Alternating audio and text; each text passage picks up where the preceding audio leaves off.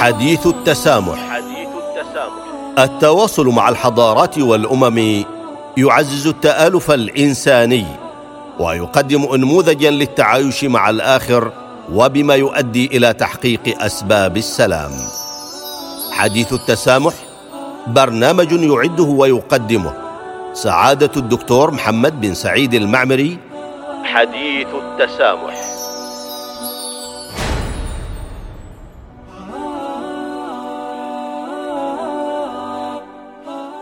بسم الله الرحمن الرحيم.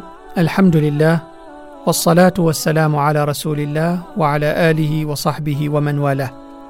أيها المستمعون والمستمعات جميعا لإذاعة الصمود السلام عليكم ورحمة الله تعالى وبركاته. واهلا ومرحبا بكم في حلقة جديدة من حديث التسامح. نتناول في هذه الحلقة التشريعات والسياسات الإعلامية الخليجية الموحدة والتي تدعو إلى التسامح ونبذ التطرف والعنف وخطاب الكراهية. بدأ التعاون الإعلامي بين دول المجلس قبل قيام المجلس ذاته وذلك من خلال الاجتماعات الدورية لوزراء الإعلام بدول الخليج. وكانت تهدف إلى توحيد السياسات الإعلامية لدول مجلس التعاون والوصول إلى صيغة موحدة تراعي الأهداف الأساسية لمجلس التعاون في مجالات الإذاعة والتلفزيون والصحافة ووكالات الأنباء والمطبوعات والإعلام الخارجي بالإضافة إلى توثيق التنسيق والترابط بين المؤسسات الإعلامية تمكنها من تحقيق أهدافها ومسؤولياتها تجاه المواطن ودول المجلس بشكل أشمل وتسخير جهدها وإنتاجها الإعلامي للمصلحة المشتركة. ويؤكد المطلعون بأن تجارب التعاون الخليجي في مجال الإعلام خلال السنوات الماضية يؤكد أهمية تعميق التعاون والتنسيق لفائدة المنطقة كما يؤكد أهمية دور المؤسسات الإعلامية الخليجية في تعزيز الإنتاج المشترك في مجال البرامج التلفزيونية والتدريب الإذاعي والتوثيق والمعلومات والتراث الشعبي وفي التعاون الخبري والمعلوماتي على الرغم من أن هذه النشاطات لا تزال دون مستوى الطموح والدعم وتنقصها الملكات البشرية العلمية المتخصصة والفعالية الديناميكية لابتداع البرامج الإعلامية الذكية التي تناسب الواقع الاجتماعي وتلبي احتياجاتها التعليمية والتنموية والثقافية. وتوصل الباحثون إلى أنه ليس هناك حتى الآن في كثير من الدول العربية سياسة إعلامية معلنة ولكننا نجد في البعض منها على الأقل أن هذه السياسات لا تغطي كل القطاعات ونادرا ما يتم تحقيق التكامل بين سياسات القطاعات المختلفة. وقد لا تتفق السياسات هذه مع بعض القطاعات أو مع بعض المبادئ العريضة السياسية الموضوعة لقطاع الإعلام. ولعل السبب الرئيسي في رأي هؤلاء الباحثين ناتج عن قصور التخطيط الإعلامي أو ضعفه ونقصه في كثير من الأقطار العربية. وفيما يتعلق بالسياسة الإعلامية للتعاون الخليجي فثمة خطوط عامة تضمنتها الأهداف الرئيسية للمؤسسات الخليجية المختلفة والتي يمكن إبرازها كما يلي. اولا التركيز على الشخصية الوطنية الخليجية وإبراز الوحدة الحضارية والتاريخية والثقافية المشتركة لمنطقة الخليج العربي. وهذا يسهم في مد جسور التواصل الحضاري بين أبناء دول الخليج. ثانيا التعبير عن السياسات الخليجية في مختلف الأنشطة وعكس مظاهر التقدم في الحياة في هذه المنطقة. ثالثا دعم العمل العربي المشترك وخلق أفضل الروابط القومية بين الأقطار العربية. رابعا تنمية التعليم والتربية وإيجاد التذوق الفني والإمتاع للنفس البشرية. وخامسا إبراز الدور الإيجابي الذي تلعبه دول الخليج المصدرة للبترول في الاقتصاد العالمي. ونشير في هذا السياق إلى استراتيجية العمل الإعلامي المشترك لدول مجلس التعاون لدول الخليج العربية.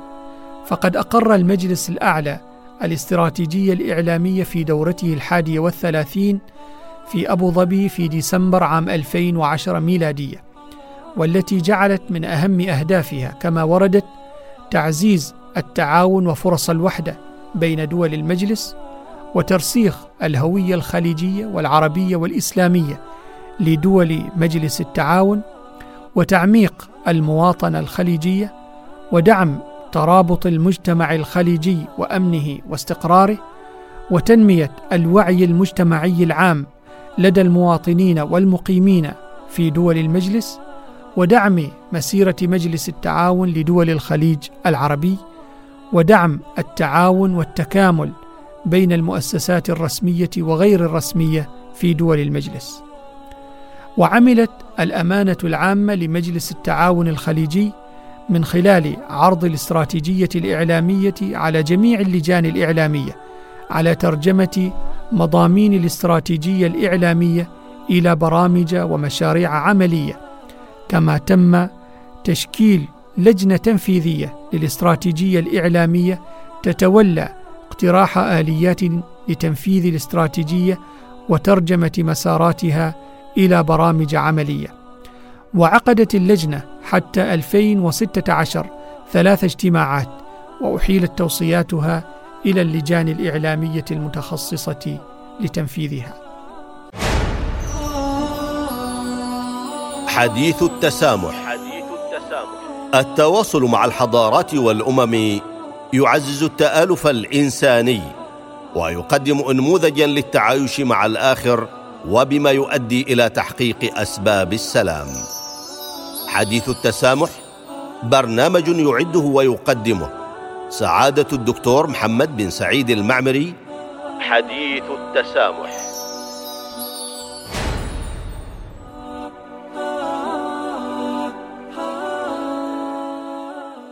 ومن واقع الجهود الوطنية لدول الخليج في مواجهة التطرف الفكري فإنه لا بد أن نعلم بأن دول الخليج مجتمعة عملت على معالجات قانونية تحد من التطرف الفكري مثل إصدار اتفاقية دول مجلس التعاون لدول الخليج العربية لمكافحة الإرهاب في عام 2004 والاستراتيجية الأمنية الموحدة لمكافحة ظاهرة التطرف المصحوب بالإرهاب لدول مجلس التعاون لدول الخليج العربية عام 2003 وفي سياق أعمال مجلس التعاون الخليجي أدرج منذ عام 2015 في جدول أعمال وزراء الأوقاف والشؤون الدينية مناقشات متصلة بالتطرف لوضع آليات موحدة لدول الخليج تعمل على ضوئها لمواجهة حملات الكراهية والتعصب والتطرف والإرهاب. فهذا فيما يتعلق بالقوانين لدول الخليج العربية مشتركة والتي تحمل فيها مواد صريحة في الحد من كل مظاهر التمييز والعنصرية والتطرف والإرهاب. وأما في الإطار الفردي لكل دولة فإنها تقوم بجهود معتبرة وتفصيل ذلك فيما سيأتي.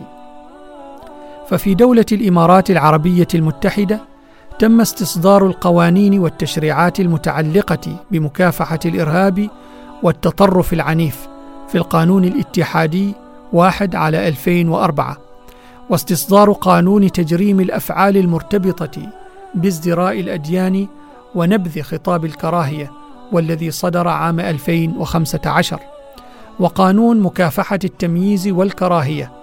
وتضمن قانون مكافحة الجرائم تقنية المعلومات في 2006 وقانون تجريم غسيل الأموال عام 2002 نصوصا متعلقة بمكافحة الإرهاب والتطرف. كما قامت دولة الإمارات العربية المتحدة بإنشاء وزارات ومراكز متخصصة في هذا الإطار مثل وزارة التسامح وإنشاء مركز هداية الدولي في مكافحة التطرف العنيف والذي أنشئ عام 2012 وتأسيس المنتدى العالمي لمكافحة الإرهاب وإنشاء مجلس الحكماء للمسلمين في عام 2014 وإنشاء مركز صواب والمتعلق بوسائل التواصل على الإنترنت في عام 2016 بالإضافة إلى العديد من الفعاليات والمؤسسات المرتبطة بمكافحة التطرف والإرهاب. وأما دولة قطر فقامت بإصدار قانون بشأن مكافحة الإرهاب عام 2004 وتضمن قانون العقوبات في 2004 نصوصا متعلقة بالإخلال بالأمن العام وأمن المجتمع. وقطر عضو في مجموعة أصدقاء تحالف الحضارات للأمم المتحدة المناهض للكراهية. وقامت بتنظيم مؤتمر دولي خلص به إعلان الدوحة لمناهضة خطاب الكراهية والتطرف وقامت الدوحة بإنشاء مركز الدوحة لحوار الحضارات وتستضيف سنويا مؤتمرا دوليا هو مؤتمر الدوحة الدولي لحوار الأديان. وقامت قطر بالتعاون مع فريق العمل المعني بالتنفيذ في مجال مكافحة الإرهاب ومركز الأمم المتحدة لمكافحة الإرهاب كما أن قطر عضو في الصندوق الدولي للمشاركة والمرونة المجتمعية والذي هو شراكة بين القطاعين العام والخاص لدعم مبادرات على مستوى المجتمع المحلي ولتعزيز القدرة على مواجهة أجندة التطرف العنيف. كما أنها ضمن مجموعة الدول المانحة لمركز الأمم المتحدة لمكافحة الإرهاب. وأما المملكة العربية السعودية فقد قامت بتأسيس المنتدى العالمي لمكافحة الإرهاب في 2011 والتوقيع على معاهدة مكافحة الإرهاب الصادرة من منظمة التعاون الإسلامي عام 2000 ونظمت المملكة المؤتمر الدولي لمكافحة الإرهاب الذي عقد في مدينة الرياض عام 2005 وقامت بإبرام اتفاقيتي تعاون أمني شاملة مع كل من جمهورية قرغيزستان وجمهورية البوسنة والهرسك وجاء منها التعاون في مكافحة الإرهاب. ومنحت الجمهورية الفرنسية وسام جوقة الشرف الوطني وهو أرفع الأوسمة الوطنية في فرنسا للسعودية نظير الجهود الكبيرة في المنطقة والعالم في مجال مكافحة التطرف ومحاربة الإرهاب. وقامت المملكة بإنشاء مركز الأمير محمد بن نايف للمناصحة والرعاية عام 2007 وانشاء مركز الملك عبد الله بن عبد العزيز العالمي للحوار بين أتباع الأديان والثقافات في فيينا وأصدرت المملكة جملة من الأنظمة واللوائح والتشريعات لاستخدام شبكة الإنترنت والاشتراك فيها بهدف مواجهة الاعتداءات الإلكترونية والإرهاب الإلكتروني إضافة إلى تنظيم الجهات المعنية دورات تدريبية عديدة عن موضوع مكافحة جرائم شبكة المعلومات العالمية لتنمية معارف العاملين في مجال مكافحة الجرائم التي ترتكب عن طريق الأجهزة الإلكترونية وتحديد أنواعها. وأما سلطنة عمان فقد عملت على مكافحة التطرف والإرهاب من خلال ثلاثة محاور القانونية والإجرائية والتعليمية. أما القانونية فإن النظام الأساسي للدولة يحظر كافة أشكال التمييز والكراهية وتم إصدار قانون مكافحة الإرهاب عام 2007 وتم تشكيل اللجنة الوطنية لمكافحة الإرهاب عام 2012 والسلطنة عضو في برنامج تحالف الحضارات التابع للأمم المتحدة وقامت بإصدار دورية فصلية بعنوان التسامح ومن ثم التفاهم لتعزيز مفاهيم العيش المشترك كما نظمت السلطنة معرضا دوليا بعنوان رسالة الإسلام من عمان وقامت بتنظيم ندوة دولية بالتعاون مع دول أمريكا اللاتينية عام 2015 للدعوة نحو القيم المشتركة وتركز المناهج التعليمية في السلطنة على العدالة والمساواة وتجريم العنف والكراهية والتطرف. نكمل جهود دول الخليج في دفع منظومة العيش المشترك ومكافحة التطرف والعنف في الحلقة القادمة بإذن الله حتى ذلك الموعد نستودعكم الله والسلام عليكم ورحمة الله تعالى وبركاته. حديث التسامح التواصل مع الحضارات والأمم يعزز التآلف الإنساني ويقدم انموذجا للتعايش مع الآخر وبما يؤدي إلى تحقيق أسباب السلام. حديث التسامح برنامج يعده ويقدمه سعادة الدكتور محمد بن سعيد المعمري. حديث التسامح.